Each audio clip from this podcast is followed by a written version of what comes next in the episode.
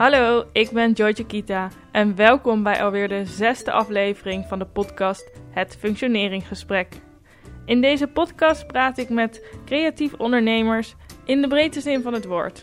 We praten over hun successen, maar ook over hun fuck-ups. Door iets meer achtergrondverhaal te krijgen van verschillende ondernemers, hoop ik elkaar nog meer te kunnen inspireren. Want we kunnen elkaar vaak wel volgen op social media, maar daar delen we over het algemeen alleen de successen. Terwijl die successen helemaal niet zo vanzelfsprekend zijn. Iedereen doet het op zijn eigen manier. En dat vind ik tof om te horen. Want hoe lang zijn ze al bezig? Hadden ze een doel voor ogen? Wat hebben ze allemaal eigenlijk beleefd op hun pad van het afstuderen tot waar ze nu zijn? En hoe kijken ze naar de toekomst? Kortom, hoe functioneren ze eigenlijk? Vandaag in het functioneringsgesprek Petra Kevenaar. Petra deed de opleiding SPW en een studie sociale wetenschappen en werkte jaren in de zorg en de psychiatrie. Echt totaal iets anders dan wat ze nu doet. Nu heeft ze namelijk met haar vriend Jip een social media bedrijf genaamd Hashtag Junkies. Voor verschillende opdrachtgevers beheren zij de social media en verzinnen toffe campagneconcepten en creatieve content. Daarnaast zijn Petra en Jip het Rotterdams Instagram duo Cosmos Koppel. Hun Instagram staat vol met heerlijk kleurrijke maffe foto's. En de gekke bekken in de stories van Petra, daar moet ik altijd heel hard om lachen. Ik noem ze met hun 14.000 volgers influencers, maar dat vindt Petra een stom woord. Wat gaat ze beïnvloeden dan? En dat vind ik zo leuk aan Petra. Ze is eigenzinnig, super kleurrijk, redelijk schaamteloos en heeft altijd wel iets te zeggen. Maar is bovenal super vriendelijk, zowel on als offline. Ik ben natuurlijk super benieuwd hoe die weg van medewerker in de zorg naar hippe Instagramster is verlopen. Dus dat ga ik haar vragen. Nou, Petra, leuk uh, dat ik hier ben. We zitten hier samen in jouw uh, kantoor van Hashtag Junkies. Super vrolijk kantoor, helemaal gevuld met uh, gezellige kabouters en gele muren. Kun je mij even vertellen wat jullie doen met Hashtag Junkies? Dat is een hele goede vraag. Wij doen namelijk echt een hele hoop. Uh, hashtag Junkies is een social media bedrijf, zoals je wellicht wel op Google hebt gevonden. En zo niet, dan toch. Uh, en wat wij doen is, wij creëren content, foto, video. Uh, wij beheren en optimaliseren platforms. Wij geven masterclasses, stellen strategieën op. En we doen eigenlijk alles wat met socials te maken heeft. En dat komt natuurlijk vaak voort uit de marketingstrategie, waarin we dus ook weer eigenlijk het hele bedrijf onder de loep nemen. en zo in het verlengde van elkaar kunnen gaan werken. En uh, wat wij doen is, wij managen op een dagelijkse basis uh, eh, 3 miljoen volgers in de platforms die wij beheren. En die zijn lokaal, nationaal en internationaal. En voor wat voor bedrijven doen jullie dit dan? Bedrijven die voornamelijk lekker gestort zijn. Creatieve gekkies die creatieve gekkies zoals wij kunnen waarderen. Oké. Okay. Um, ehm, heb jij marketing gestudeerd? Je zou het zeggen, maar absoluut niet. Totaal niet zelfs. Ik ben uh, een jaar of elf aan het studeren geweest. In mijn carrière op school begon, op de basisschool natuurlijk. Um, dat was nooit zo'n zo'n fijne tijd voor mij, maar na de middelbare school dacht ik van... ik ga wel wat met marketing doen. Met marketingcommunicatie gaan doen daarna. Ik tel dat nooit echt mee, want wat ik daar heb geleerd was eigenlijk gewoon... KAK, was gewoon uh, dikke kak. Dat was echt vreselijk. Waarom was het vreselijk? Omdat wat ik daar leerde me niet kon grijpen. Ze waren bezig met kostprijs. En ik wilde veel meer een creatievere kant op. En tijdens een van mijn eerste stages op die opleiding uh, kwam ik terecht bij een internetbedrijf. En dat vond ik wel erg leuk. Dus vond in de praktijk uh, werken eigenlijk altijd heel tof. Maar echt, het hele schoolverhaal? Oh man, nee, totaal niet. Nee. Dus wat ik deed is, uh, ik, ben, ik ben gestopt met die opleiding. En toen dacht ik, ik wil wat doen met mensen. Ik, ik wil, ik wil uh, de wereld verbeteren. Maar dat leek me een erg groot doel op zich. Dus uh, ik ben de hulpverlening ingegaan. Hulpverlening? dat, dat, ja, als je, als je jouw werk kent en jou nou ja, als persoon wat je nu allemaal doet, ja. dat zou je niet verwachten. Nee, precies. En weet je wat grappig is? Kijk, hulpverlening, dat is misschien wel grappig om te zeggen hulpverlening wordt eigenlijk alleen door mensen uh, gedaan, of door het overgrote deel, uh, waar zelf wat mis mee is. En dat is heel erg grappig, omdat mensen die gaan met zo'n opleiding doen om zichzelf te leren kennen. En om andere mensen natuurlijk te leren begeleiden en te leren helpen. Dus ik heb SPW gedaan. Het is uh, de vroege opleiding voor social work op mbo-niveau. En daarna ben ik op hbo verder gegaan met sociaal-pedagogische hulpverlening. Ik heb eigenlijk in alle doelgroepen uh, gewerkt. Lichamelijke gehandicaptenzorg, uh, verstandelijk, auditief beperkte. Wat heb ik eigenlijk allemaal niet gedaan? In de open gesloten psychiatrie. En uiteindelijk heb ik als ehm, hulpverlener op een werkactiveringscentrum gewerkt voor dak- en thuislozen. Dus waar veel mensen verslavingsproblematiek hadden, sowieso huisvestingproblematiek. En ja, verslaving natuurlijk. Of zei ik dat al? Ja, verslavingsproblematiek. Maar maakt niet uit. Uh, maar je zegt, uh, de meeste mensen die dat gaan doen, uh, zijn een beetje op zoek naar zichzelf. Die, een beetje zelf ja. willen ze zich, zichzelf ontdekken. Is dat ook voor jou dan de reden dat je dat bent gaan doen? Absoluut. Ik ben mezelf echt totaal. In mijn leven ben ik mezelf al zo vaak verloren dat ik echt dacht van waar, wie ben ik überhaupt? En dat is een bizarre reis geweest. En dat begon eigenlijk. Uh, ja, je kan het natuurlijk altijd gewoon zeggen. Ik denk rond mijn veertiende ervaarde ik mijn eerste depressie. En dat heeft me altijd um, doen laten nadenken over psychische gezondheid. En dat was ook wel een van mijn redenen waarom ik ook hulpverlening ben ingegaan. Omdat ik dacht, hoe werk ik nou eigenlijk zelf? Ben ik stuk of en toen bleek ik eigenlijk andere mensen hartstikke goed te kunnen helpen. En uiteindelijk mezelf ook steeds meer. Dus wat ik ook in mijn tijdens mijn opleidingen zag in studiegenoten, was dat zij ook vaak problemen ervaarden of iets in het dagelijks functioneren um, ervaarden wat hun tegenhield. En uh, waardoor je in tijdens lessen of colleges of boeken of uh, studiemateriaal eigenlijk wel oplossingen tegenkwam die daarvoor toepasbaar waren of zijn. En zou je dan zeggen, eh, want je zei net, ben ik stuk? Was je stuk? Misschien op dat moment ervoer ik dat zo. Maar ik denk dat ik gewoon um, ouder werd en volwassener werd. En daar heel erg mee struggelde uh, met het plaatje van wat ik had. Van wat een volwassene nou zou moeten zijn die moeten verantwoordelijk zijn, dacht ik altijd. Die hebben een koophuis, die hebben hun leven helemaal op orde. En ik was alles behalve. Zo herkenbaar. ik was alles behalve. Het was echt vreselijk. Dus ik voelde me heel stuk. Uh, maar ik zat feitelijk gewoon in een proces wat je niet kan versnellen. Um, ben je ongeduldig? Als persoon absoluut. Het liefst nu. Het liefst nu, ja, absoluut. En dat is tijdens dat soort processen altijd gewoon heel erg kut. Omdat je denkt van ja, ik wil daar naartoe en ik weet waar ik naartoe wil. Maar het duurt zo lang. Ja. Ja, dus toen ben je uiteindelijk in de psychiatrie uh, gaan werken. Ja. Nou ja, ik heb uh, uiteindelijk stage gelopen en ik mocht daar uh, blijven uh, als sociaal-pedagogisch hulpverlener. En wat mijn werk er eigenlijk inhield, was dat ik de jongens die daar de plek uh, bezochten, een uh, goede dagbesteding te geven. Uh, met oog eigenlijk op reïntegratie in arbeid. Soms een beetje een ver van de bedshow wat betreft de cliënten die ik daar heb geholpen. Maar voor een aantal ook zeker, zeker wel te doen. Ja. En, maar dat doe je nu niet meer. Nee. Was, was je het zat? Ik werd ziek.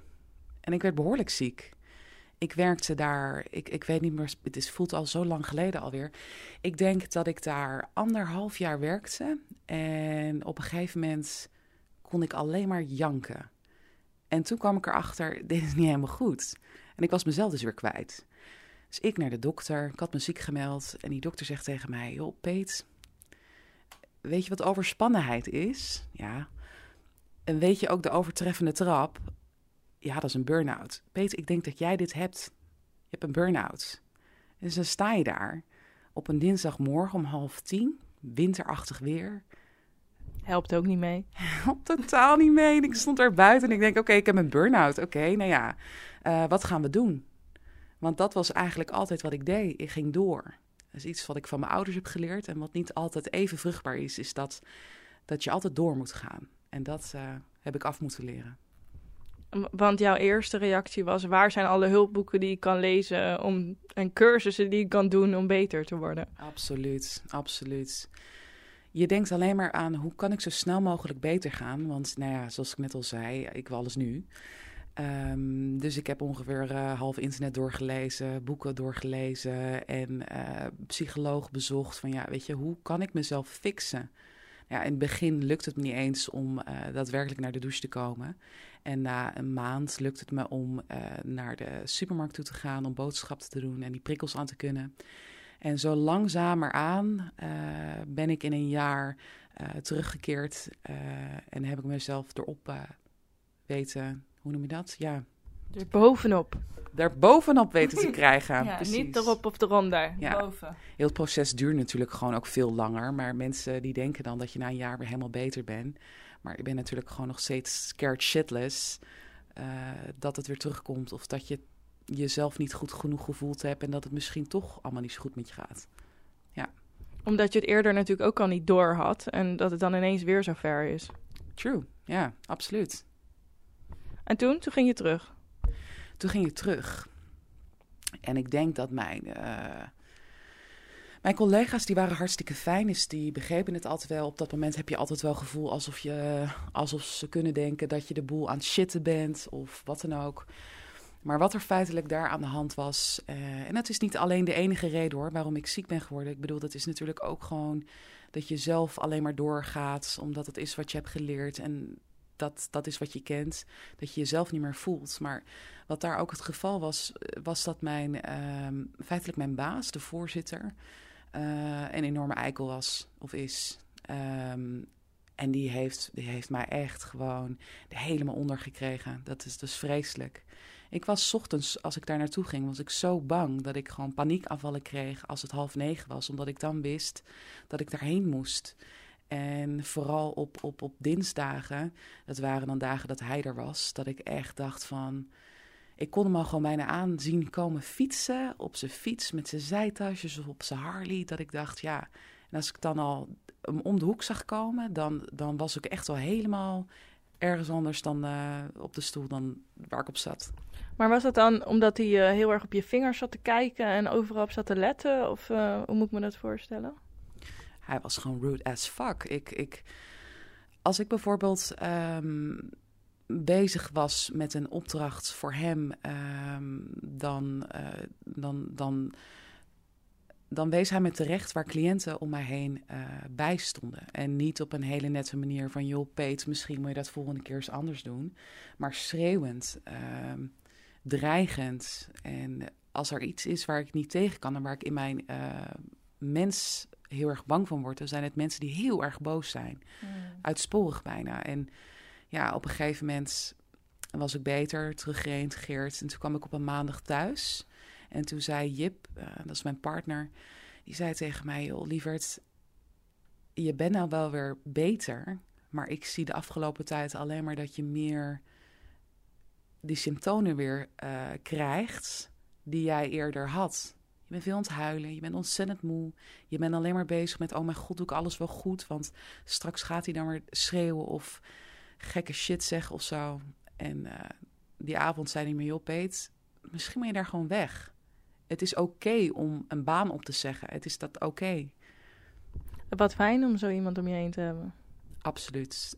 Zonder Jip had ik nooit deze keuze gemaakt in mijn leven om daar te gaan stoppen.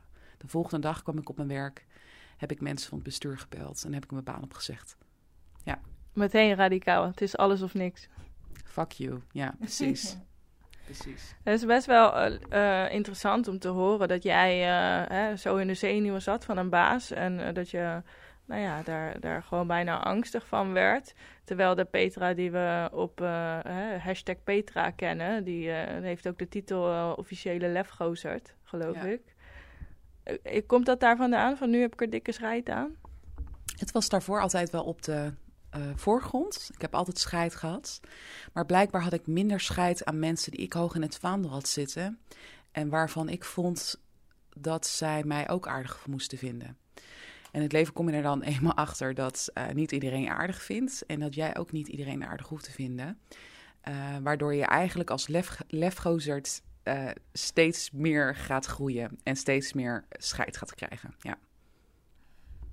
Lef Gozert, is er ook nog een keuze Lef Gozert in plaats van Lef Wijfie of wat dan ook? uh, nee, ik heb er eigenlijk nooit zo over nagedacht. Ik vind... Um, het bekt gewoon lekker. Het bekt gewoon lekker. En ik vind het wel heel erg leuk dat door de jaren heen lefgozerij wel altijd een soort thema is geweest. Maar dat ik dat nu ook echt professioneel mag doen, dat is, dat is wel echt vet. Ja. Ja. ja, want kan je nog even verder vertellen? Je, je hebt je baan opgezegd, je zegt fuck you, ja. doei. Ja. Ja, het is ook begonnen uh, daarvoor toen uh, Jip en ik, uh, die kennen elkaar nu uh, bijna, we zijn bijna vier jaar bij elkaar. En in het begin um, raakten wij heel veel telefoons kwijt, laptops kwijt. Echt gewoon, was vreselijk. Dus wat wij dachten, wij waren helemaal niet zo Instagram of uh, heel erg social bezig of zo. Wij dachten, weet je, laten we onze foto's gewoon stallen op Instagram. Dan hebben een soort fotoalbum en dat laten we dan gewoon staan. Wisten wij veel dat dat account open was en niet gesloten? Ja, weet je, daar denk je dan niet over na als je een fucking social noob bent. Um, wat grappig was dat in het begin um, dat, dat je bij mij kwam slapen, uh, vergat hij zijn sokken en bekeek hij mijn sokkenla. En toen kwam hij erachter dat ik super kleurrijke sokken heb en in echt vreemde, vreemde patronen. Je wil niet weten. En uh, onze allereerste foto die we maakten uh, was een foto op mijn vloerkleed. Een grijs tapijt uh, met hele felle sokken met flamingo's erop. En Jip, Jip die had een sokken aan met pugs van die zielige hondjes, weet je wel. Mm -hmm. En dat zetten we online en dat is toen zo gaan lopen. En dat is eigenlijk het begin van, van waar ik nu ben in mijn leven. Dat het die foto's op Cosmos Koppel, het platform waar wij ons leven laten zien en waar wij uh, dingen aantippen zoals uh, wat, je, wat je superpower zou zijn of hoe het leven nou echt is. Want je ziet zoveel fake ass shit online, dat wil je ook niet weten. Daar je, word je spontaan depressief van überhaupt als je die app opent. En wat wij doen is gewoon eh, daar ons leven laten zien. En op een gegeven moment nou ja, liep dat. We gingen een beetje foto's maken overal. Hadden we frietsokken. Dan gingen we naar de friettent om met friet uh, uh, daar foto's mee te maken op hele grappige manieren. En op een gegeven moment hadden 200 volgers. De week daarna 500. We zijn zelfs nog in de Vibes in Rotterdam. Dat is een behoorlijk donkere club erkend. terwijl we nooit met ons kop op de foto hebben gestaan en altijd met onze voeten. Dus in de vibe sta je dan een beetje zo te dansen en iemand vraagt aan de bar: hey, ja, ja, ik ken jullie. Jullie zijn toch kosmoskoppel? Dat je denkt: oké, okay, maar oké. Okay. Misschien had hij je sokken gezien. dat zou goed kunnen, ja, dat zou goed kunnen. Dat hij dacht: hey, I've seen those before. Ja. Ja, maar jullie hebben dus um, een album gemaakt. Toen hebben jullie ook meteen Cosmos Koppel, het Instagram-account gemaakt. Dat was de naam van jullie album. Dat hadden jullie al zo bedacht? Um, nou ja, we waren eigenlijk gewoon een avond super dronken. We hadden lekker gin tonics gedronken. En toen bedachten we van ja, maar dan als je dan een, een account hebt, dan moet je dus ook een naam hebben. En dat is eigenlijk voordat nog überhaupt foto's eronder stonden. En wij zijn af, af en toe, nou ja, wij zijn eigenlijk al af en toe, zeg ik dan. Vanaf het begin zijn we ontzettende zweefteven. Dus wij zaten altijd met elkaar te kletsen over kosmische dingen. En toen dachten we, nou ja, dan heet het toch gewoon Kosmoskoppel. Dan noemen we het zo dat platform en dan is dat gewoon van ons. En die naam is eigenlijk nooit weggegaan. Nee, iedereen spelt het verkeerd. I don't care. Iedereen noemt ons Cosmo-koppel. ja, Cosmo. Ja, Jullie ja. kunnen je laten sponsoren door de hairsalon Cosmo. Echt, hè? Ja, nou ja, call me, call me. nee, daar is het begonnen. En um, ja, ik weet nog dat ik bij 200 volgers een taart bakte met 200 erop. Maar op een gegeven moment, um, ja, goed dat zo snel. Maar wat deed je in de tussentijd om je geld te verdienen dan? Want je bent niet alleen maar sokkenfoto's aan het maken voor de lol. Toen, ik, toen we startten met Cosmos Koppel, met dat platform op Instagram, uh, toen werkte ik nog bij mijn vorige, vorige werkgever. En uh, toen dat is gestopt, um, of voordat stopte, toen hadden wij feitelijk al uh, een KVK-inschrijving voor ons bedrijf Hashtag Junkies omdat in die tussenperiode, in mijn laatste periode bij mijn werkgever, kwamen er al vrij veel verzoeken binnen van Rotterdamse ondernemers van jullie doen echt wack shit, wie zijn jullie en kunnen jullie dit voor mij doen? Op een of andere manier zijn we, uh, ja, hebben we altijd een beetje opgevallen in de, in de massa. Um, letterlijk en figuurlijk. En dat maakte eigenlijk al dat wij een stuk of zeven offers al hadden voordat we überhaupt een business waren. Ja, crazy toch? Ja, zeker crazy. Ja. En echt gewoon super fijn dat het zo loopt. Ja. Maar wie was dan bijvoorbeeld een van die eerste klanten? New Fork. New Fork is een, uh, is een sandwich. Um, ja, zoek maar gewoon onder de hashtag uh, The Best Sandwich in Town. Zij maken mega lekkere sandwiches. En ik was daar al een keer uh, binnen geweest en gezien dat uh, de socials die ze op dat moment hadden beter konden. En ik ben gewoon daarheen gegaan. Ik heb een afspraak gemaakt met die baas, brutale schoenen aangetrokken en gezegd van joh, ik, ik kan het voor je fixen wil ik wel voor je werken.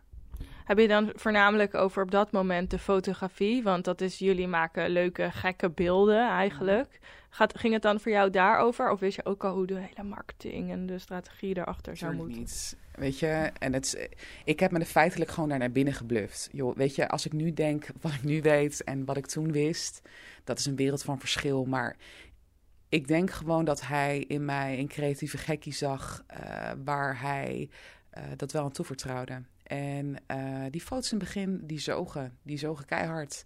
En, en dat is eigenlijk gedurende jaren al zoveel beter geworden. Er zit zoveel meer feel in. En ehm, nou ja, toen op een gegeven moment ehm, hebben we heel veel aandacht besteed aan Cosmos Koppel. Want feitelijk, eh, wat we hebben is twee bedrijven. Is natuurlijk ons social media bedrijf Hashtag Junkies en daarnaast Cosmos Koppel.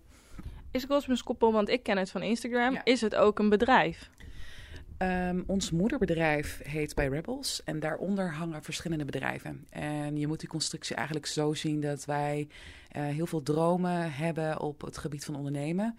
Dat dit ook echt niet het laatste bedrijf is wat we hebben. Als dit staat, en hopelijk natuurlijk zo snel mogelijk, daar werken we keihard aan, ehm, zijn er ook genoeg plannen voor nieuwe bedrijven al. Ja. Kan je daar een tipje van de sluier van oplichten? Ehm, het heeft iets te maken met wanneer er iets in je huis stuk gaat. Iets wat ehm, met water te maken heeft en wat behoorlijk veel geld kan kosten. En dan komen er mensen bij je thuis. En die mensen die bij je thuis komen, dat is nogal iets wat binnenkomt. En dat is iets wat op social heel erg goed zou gaan. Wat geheimzinnig, hè? Je zit daar maar te kijken. Ik, ja, ja, ja.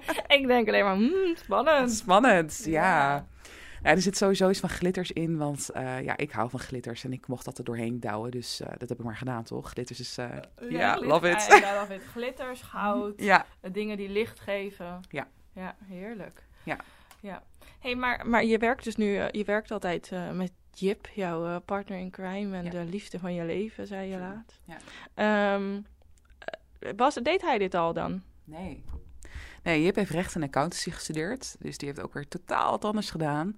En op een gegeven moment in ons leven zijn we elkaar tegengekomen, nooit meer van elkaar afgegaan. En eh, ja, ik had ook eigenlijk nooit eh, verwacht toen ik eh, mijn Tinder-app opengooide en Jip tegenkwam en we elkaars match waren, dat dit eigenlijk allemaal zou gebeuren. Weet je, wij zijn eigenlijk met elkaar gaan daten. toen zagen wij op die app dat we minder dan een kilometer bij elkaar vandaan woonden. En Goeie reden. I know, right? Ja, I know. Dus wij hebben een date gehad op een schommel, was super vet. En daarna zijn we eigenlijk nooit meer dan een paar dagen van elkaar vandaan geweest. Wij waren echt... eh, En dat is echt uitzonderlijk, want ik ben heel snel mensen zat. En je hebt idem dito. Wij lijken daarin heel erg op elkaar, dus dat is bizar. Past wel goed trouwens dat jullie elkaar via Tinder kennen. Ja, ja. eigenlijk wel, hè? Ja, het sluit wel aan. Ja, ik ken mijn vriend ook eh, via Tinder trouwens. Dus Zie we zijn ook al vier jaar samen. Oh, En ik ben mensen ook heel snel zat en hem eigenlijk nooit. Dus, nee. ja. Ja, ik ben je wel eens zat hoor, maar dan zeg ik gewoon, joh, je moet even je bek houden. Doei. ja, precies. Ja. Op zo'n manier. Maar niet zat zat in de zin van soms, eh, als ik zeg maar naar voorgaande relaties kijk, dan denk ik wel eens van, oh, maar dan had ik echt zin om daar weg te gaan, om met mijn eigen schuld te. En dat heb ik bij, bij Jip totaal niet. Nee. Het is maar goed als je zoveel samenwerkt ook nog. True. Ja, sowieso. hey, maar dat Cosmos-koppel ging dus eh, groeien. Ja. Want nu zitten jullie op 40 14.000 likes. Mm, 14.000 volgers. Ik denk dat wij per foto, ehm, dat goede foto's wel 1000 likes halen. Ehm, wij zijn voor onszelf, dat platform is eigenlijk meer. Eh, omdat wij natuurlijk heel veel platforms nu beheren, is het zo dat eh, voorheen wij voor drie keer in de week een toffe foto op Cosmos Koppel eh, online gooiden met een toffe tekst erbij.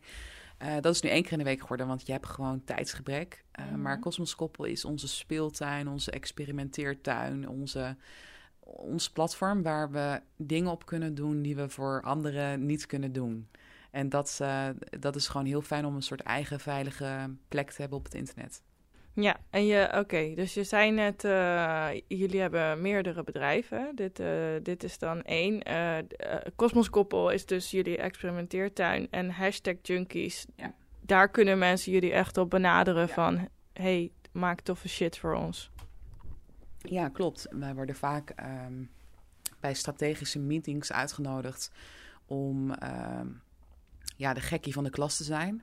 Ehm, weet je, wij doen binnen Hashtag Junkies natuurlijk gewoon heel veel. Maar we worden gewoon vaak erbij uh, geroepen omdat wij um, binnen ons werkveld uh, net iets creatiever zijn dan de ander. Nou, nou ben ik natuurlijk zelf ook creatief en ik uh, merk vaak dat ik wil ook altijd de meest gekke ideeën, ja. maar je wordt altijd, of nee, dat is, nu overdrijf ik, je wordt regelmatig teruggefloten. Ja. Wat wij merken is dat veel creatives zichzelf niet kunnen verkopen. En dat vind ik een heel mooi passend antwoord erop. Um, wij helpen creatives dus ook om hun uh, shit te verkopen. En of dat nou een gebakken drol is, of dat nou een glittertaart is, of mensen die lampen maken van rietjes. Um, wat ik merk in het werkveld uh, en als creatief zijn in mezelf, wat ik mezelf überhaupt nooit heb genoemd, maar als je het nu zo zegt, dan denk ik wel dat ik daarin hoor. Um, dan zie ik dat als een probleem. En wat het is, is wanneer je een idee hebt, betekent dat niet dat dat een slecht idee is, maar het, hoe je het verkoopt. Een frikandel verkoopt niet als je hem in je handen aan iemand aanbiedt. Maar wanneer je hem in een heel mooi zakje doet met glittersaus, die je spectaculaire LSD-saus noemt, um, dan verkoopt dat. Dus wanneer jij mensen kan overtuigen en wanneer jij de juiste gespreksvaardigheden in je hebt om mensen over de streep te trekken, gaan ze hoe dan ook na vijf minuten denken: mm, best wel vet idee. En als ze dat niet denken, komen ze thuis, gaan ze het erover hebben. Dan zeggen mensen, oh, dat vind ik best wel grappig. Kan je nog een paar voorbeelden noemen van dingen die jullie bedacht hebben dat je dacht, te gek? Ik vind de dingen die wij, wat, wat wij doen, is um, meestal aan het einde van het jaar is bij ons rete druk. Uh, wat wij dan doen is, wij gaan opnieuw contentkalenders bouwen voor onze klanten met, met hun samen. En wat wij dan doen, we hebben dan meetings uh, met mensen erbij die daar wat van mogen vinden of ideeën kunnen hebben of uh, creatief genoeg zijn om, om, om gewoon een brainstorm in te gaan. En wat daar dan uitkomt, zijn hele grappige dingen. Bijvoorbeeld uh, 1 april grappen vind ik altijd zelf enorm leuk om te doen. dat zijn van die inhakers waar je sowieso op in kan haken natuurlijk. Maar bijvoorbeeld van Newfork hadden we voorgaand jaar um, hadden we een design gemaakt voor, uh, van Hotel New York op de, in Rotterdam. Een super mooie venue natuurlijk. En die hadden we Hotel Newfork gemaakt. En die dag werden dus verschillende locaties van Newfork gebeld. Van, joh, ik las vandaag op Insta Instagram dat jullie een hotelovernachting weggeven. Omdat jullie een hotel starten. Waar kan ik me inschrijven? Weet je, dat zijn grappige dingen. En wij proberen altijd net wat anders samen te, samen te stellen dan wat anderen doen. Ik bedoel, vandaag is het Valentijnsdag en ehm, bijvoorbeeld voor Newfork een ander idee, wat uit zo'n meeting dan met anderen als idee naar voren komt, is hoe grappig zou het zijn als iedereen zo cheesy, lovey vandaag samenkomt met iedereen om wat voor singles te doen. Dus waarom gaan we Valentijn niet Balentijn noemen, zodat als je vandaag zo single bent, um, dat je bij ons twee taartjes kan eten voor de prijs van één. Dus weet je, wij denken net op een hele weirde manier met mensen mee. En wel in hun kaders, weet je. Voor hun zou um, masturberende, masturberend fruit, het zou helemaal niks zijn natuurlijk. Maar je moet, je moet het toe kunnen passen op de visie die een bedrijf heeft. Of uit heeft staan. Ja, tof. En heb jij dat dan gedurende dat je bezig was? Hè? Je begon ooit bij die sandwich bar Newfork. Ja. Uh, heb jij dat uh, door het te doen jezelf aangeleerd? Want je, je zegt visie, strategie, marketing. Ja, op een gegeven moment kom je dus tot de conclusie dat wat je doet een naam heeft. En dat is super weird, want dan ben je dus uh, iets op een strategische manier aan het aanpakken. Namelijk, je denkt na van tevoren over welke lijnen je uit gaat zetten. En later komt daar, komt daar dan het besef bij dat het een naam heeft. En uh, dat je dat dus ook zo bij het beestje kan noemen, zodat andere mensen weten wat je doet. En uh, een strategie heb ik altijd een woord gevonden qua terminologie. Dat, dan denk je van ja, wat de fuck is dat nou eigenlijk? Maar strategie is gewoon iets wat je vertelt, wat je gaat doen en met wat voor uh, bril je zeg maar uh, kijkt naar een bedrijf. Dus je hebt het dan over een, een, een, een toon van, van captions die je schrijft, of teksten die je produceert. Uh, je hebt het over welke doelgroep je aan wil spreken. En eigenlijk allemaal wel dingen waar je over nadenkt. Maar wanneer dat de naam strategie heeft, klinkt dat ineens super officieel of zo. Alsof je ervoor gestudeerd moet hebben.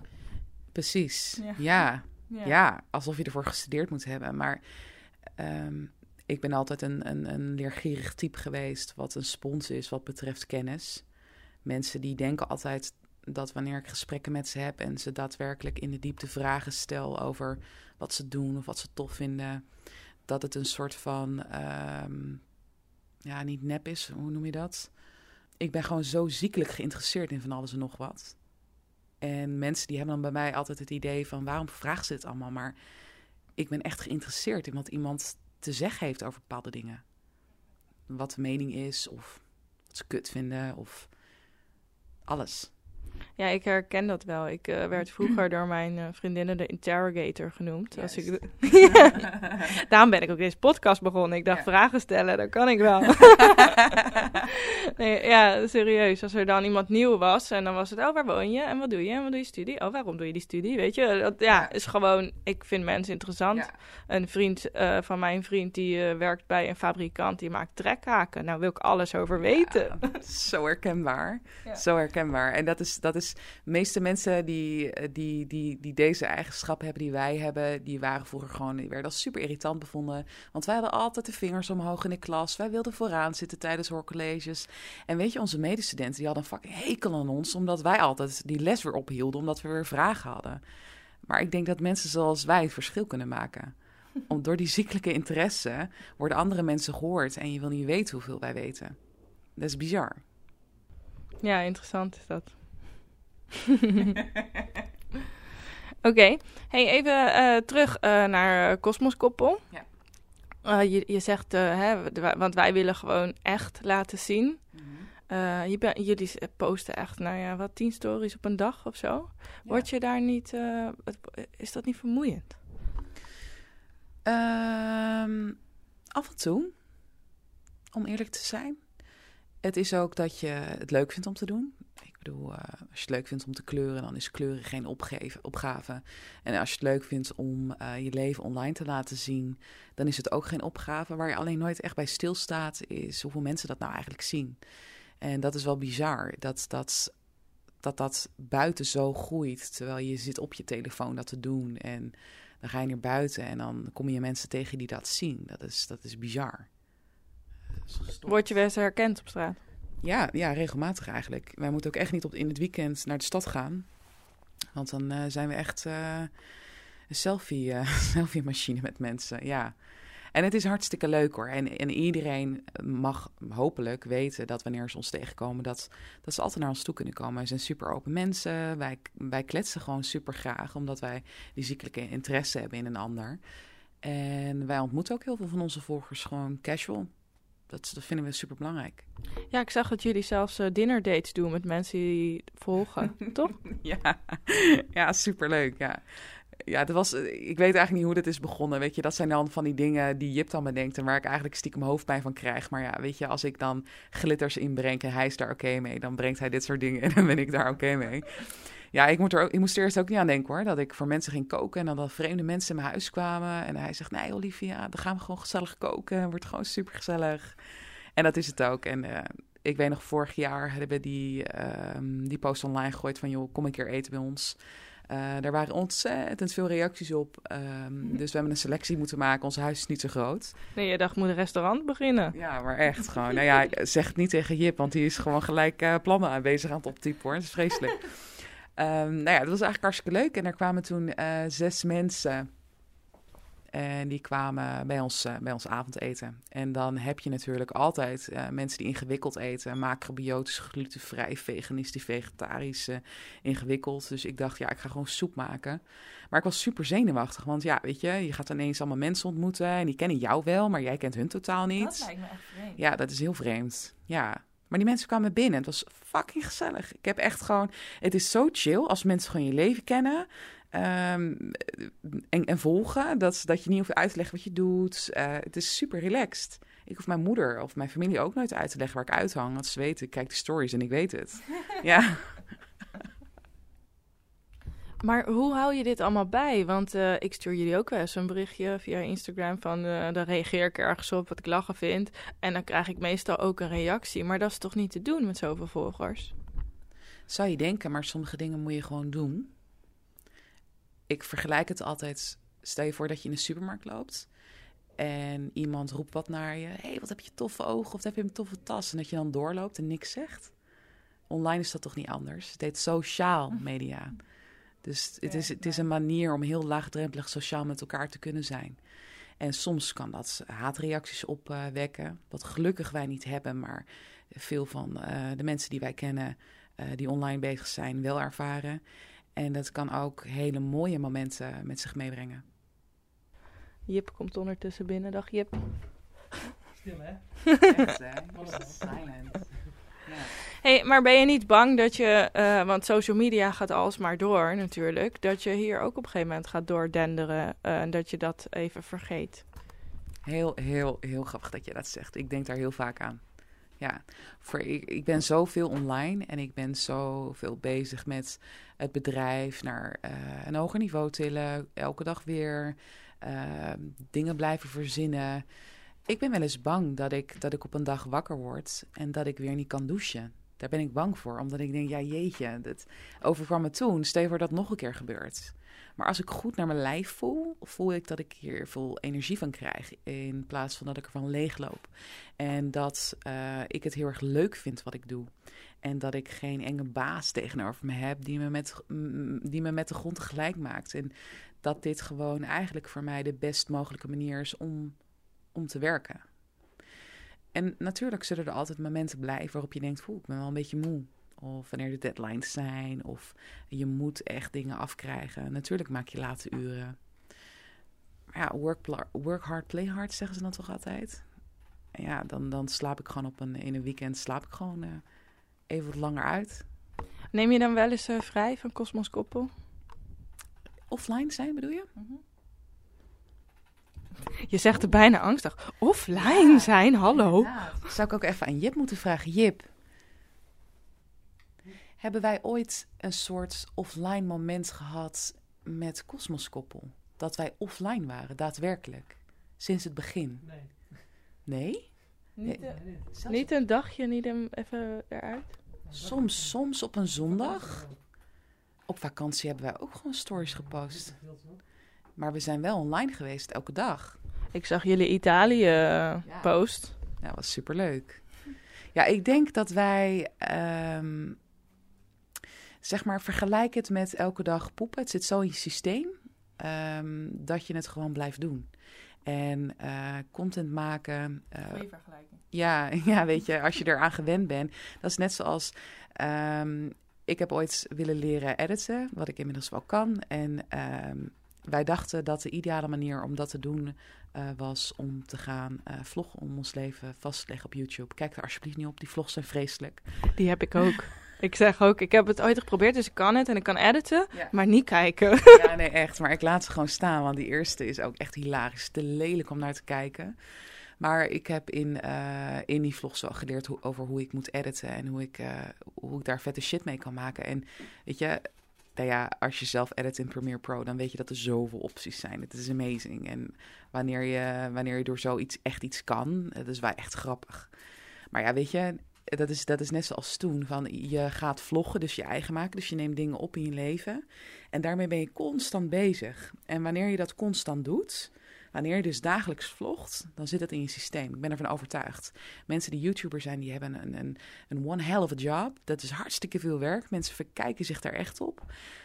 Um, maar het is wel zo dat wanneer het in je vibe zit, elke dag weer, dat dat zo, je poept dat er zo uit, joh. Echt. Hmm. Ik doe ook nooit stories over. Je hebt ook niet. Wij nemen in één take dingen op. Net zoals in het begin voor deze podcast nam ik een filmpje op met Joy. Ik doe dat één keer en gaan er dingen mis. Prima. Ja. Ja. For real, gewoon. Ja. ja, weet je, mij maakt het allemaal niet uit, joh. In het echte leven uh, zijn wij net zo. En weet je, het, het, het, het is wat het is. Hey, ik ben nog even benieuwd, want er zijn natuurlijk een hele hoop uh, kritieken op social media. En hè, allemaal mensen hebben druk, vinden het moeilijk, neemt veel tijd in. Hoe staan jullie daar tegenover? Um, kan je nog iets specifieker maken? Dat je... Uh, mensen hebben moeite met het feit dat het zoveel aandacht van ze vraagt. Mm-hmm. En ze hebben moeilijk, uh, moeite met zichzelf controleren daarin. Ze zijn veel bezig op Instagram, komen erachter, downloaden zo'n appje, weet je. En mm-hmm. zien, goh, ik zit uh, acht uur per dag op mijn telefoon. Om het even te overdrijven. Mm-hmm. Um, gaan jullie daar, proberen jullie daar een soort van bewust mee om te gaan? Of is dat iets, ja, dag, dat is ons leven, we houden daar ons helemaal niet mee bezig? Ik heb wel eens uh, op mijn iPhone die optie geopend van schermtijd toen dat uh, geïntegreerd werd. Toen dacht ik wel even gloep. Wat wij veel voor onze klanten doen, is via desktop ook inplannen. En weet je, daar, dat kan je dan redelijk loslaten. Maar het is wel zo dat wij beheren van 9 tot 9. En uh, van 9 tot 9 beheren is ook gewoon van 9 tot 9 beheren. Dus wanneer er dan om uh, 5 over 9 berichten binnenkomen, zal ik ze vast ook nog wel beantwoorden. Maar half tien gaat wel echt even sloes erop. Ja. Um, ik kan me heel goed voorstellen dat mensen bepaalde druk en paniekmanagement voelen wanneer je of persoonlijk of met je bedrijf online gaat. Um, maar dat zijn mensen die, die niet strategisch hebben nagedacht over wat ga ik dan online zetten, hoe ga ik mezelf presenteren, uh, hoe maak ik mijn uh, profiel waterdicht, uh, hoe traffic ik tussen mijn verschillende platforms. Weet je, dat zijn allemaal mensen die doen maar wat en die paniekmanagement die, die zuigt je leeg. Wanneer je gewoon dingen steady op een rij hebt, zal je zien dat je veel minder um, last hebt van, van die prikkels omdat je dan denkt van ik ga vandaag dit doen, ik ga vandaag dat doen en ik ga vandaag dit doen. Dus bijvoorbeeld wanneer ik opsta, en als ik dan even terugtrek naar Cosmos Koppel, dan denk ik oké, ik hoef maar één keer in de week up te loaden. Dus er moet één keer in de week een keer een foto geschoten worden. Of er moet een keer een shoot komen waarin een bepaald concept is uitgedacht. Mensen denken vaak, joh, die, die, die maken gewoon een plaatje en dan uh, gaan ze gewoon lekker uh, online of zo. Hell no, nee, er zit, er zit tijd in, jongen, dat wil je niet weten. En niet alleen voor Cosmos, maar ook gewoon voor, voor alle bedrijven die we doen. Dat is, uh, dat is een werk. En weet je, ik vind het altijd heel erg lastig met mensen om te gaan die zeggen dat ze zo druk zijn of die zeggen dat ze geen tijd hebben. Weet je, we weten allemaal, tijd kan je maken. En drukke mensen, die hebben helemaal niet zo druk, joh. Valt echt wel mee. Nee man, ik ben druk.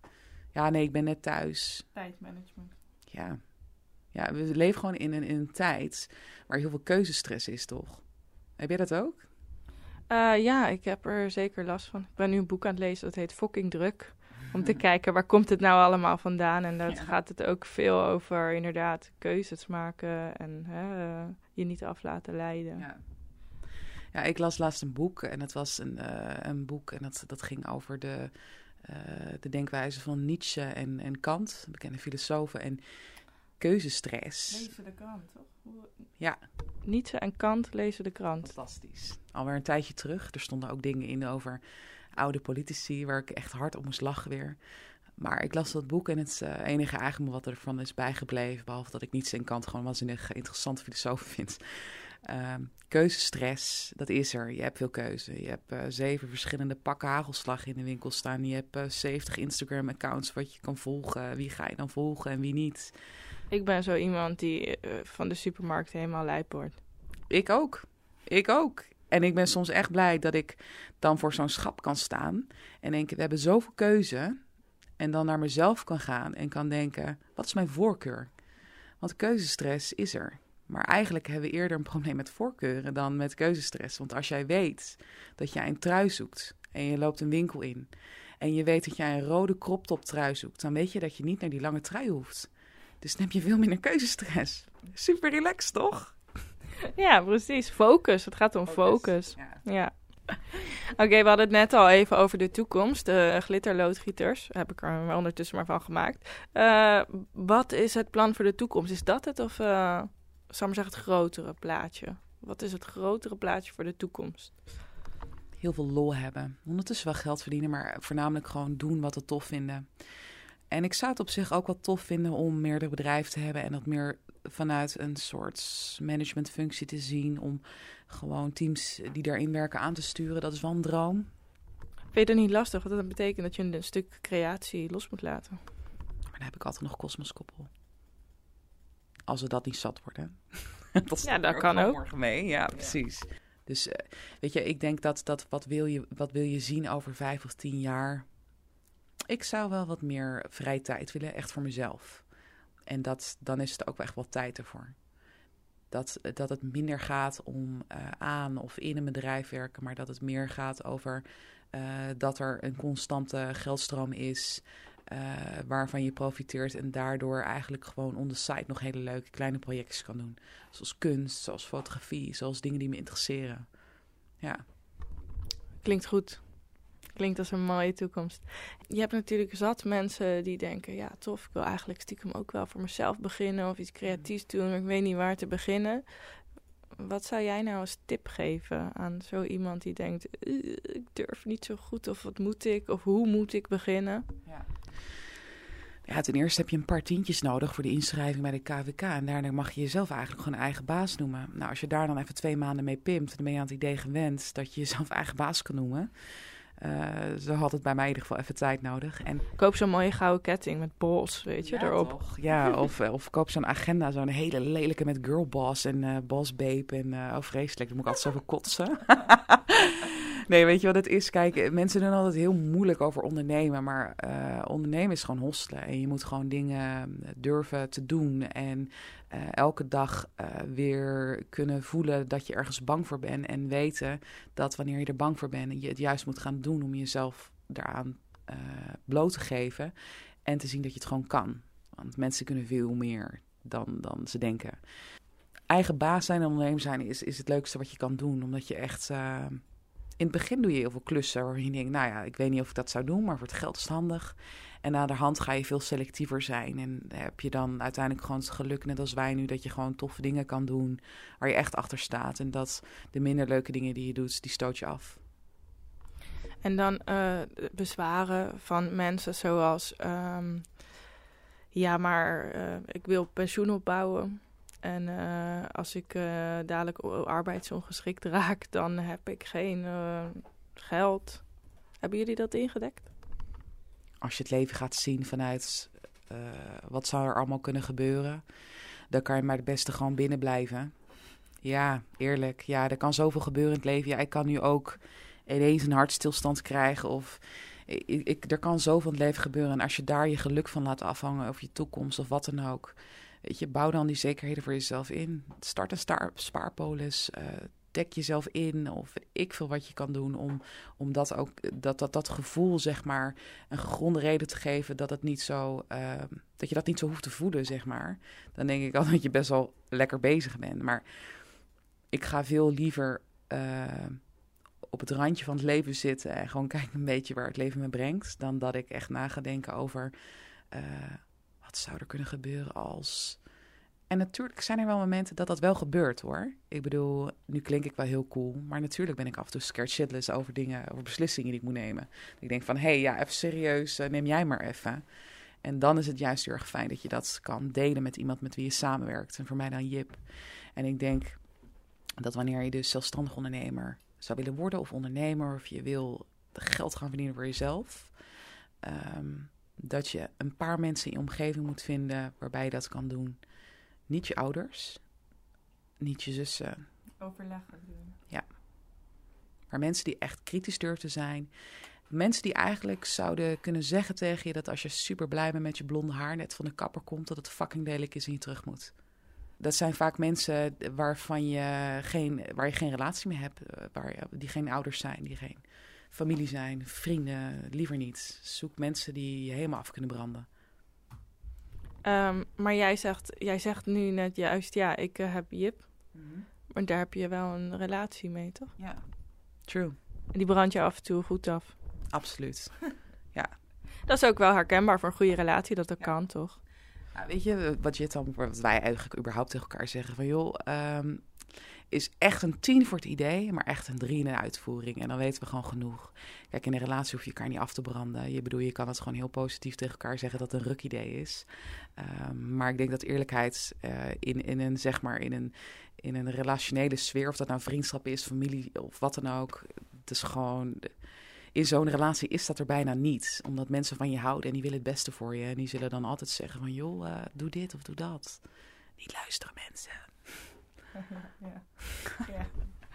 ja, goed. Nou, hey, eh, bedankt voor. Ik denk dat dit eh, nuttig advies is voor mensen. Zeker weten. En eh, normaal neem ik niks mee, maar ik heb nu iets meegenomen. Ja, ja, ja. Want ik kwam dit tegen en toen dacht ik, ik moest meteen aan jou denken. Ik dacht, dit heb jij nodig voor of je volgende shoot of gewoon voor je great entrance hier.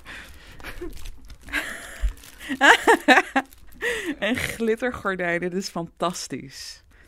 Twee meter hoog. Zo, dit is vet joy. Ja, toch? Dat, dat heb je nodig. Dit is gewoon leven. Maar dit, dat is ook zo leuk, want zo komen wij dus ook vaak aan props. Mensen die zien shit en die nemen ons dingen mee. Ja, dit gaan we sowieso gebruiken. Dat is echt heel leuk. Cool, nou ik ben benieuwd naar de Dank je. foto. Ja, zeker. Ja, ik ook. Nou, jullie thuis allemaal weer bedankt voor het luisteren. Mijn naam is Joy Chiquita en ik maak deze podcast natuurlijk omdat ik het zelf super interessant vind. Ik ben ook creatief ondernemer en ik doe het ook op mijn eigen manier. Daarom vind ik het tof om te horen hoe anderen het doen. Ik ben ooit afgestudeerd als grafisch ontwerper en doe nu naast grafisch en illustratief werk ook content creation en bedenk campagnes. Dit doe ik natuurlijk het liefst altijd met een beetje humor. Benieuwd hoe dat eruit ziet? Kijk dan op www.joychiquita.com. Over twee weken is er natuurlijk weer een nieuw functioneringsgesprek. Dan praat ik met Lotte van Galen. Zij studeerde af aan de Hogeschool van de Kunst in Utrecht van de studie Audiovisuele Media, waar ze zich vooral bezighield met het maken van documentaires. Ze werkte een tijdje voor de VPRO, maar besloot uiteindelijk toch alleen voor zichzelf te gaan werken als podcastmaker. En dat gaat goed. Onlangs vloog ze nog naar Albanië en Macedonië om daar lessen te geven in podcast maken, zodat jongeren daar hun stem kunnen laten horen via hun eigen medium. Hoe zij van haar studie tot nu heeft beleefd, ga ik haar natuurlijk allemaal vragen. Dit over twee weken. Vergeet ondertussen niet het functioneringsgesprek te volgen op SoundCloud. Luister jij je podcast via iTunes of een andere app? Geef ons dan even een goede rating en laat een leuke comment achter. Tot over twee weken. Doei!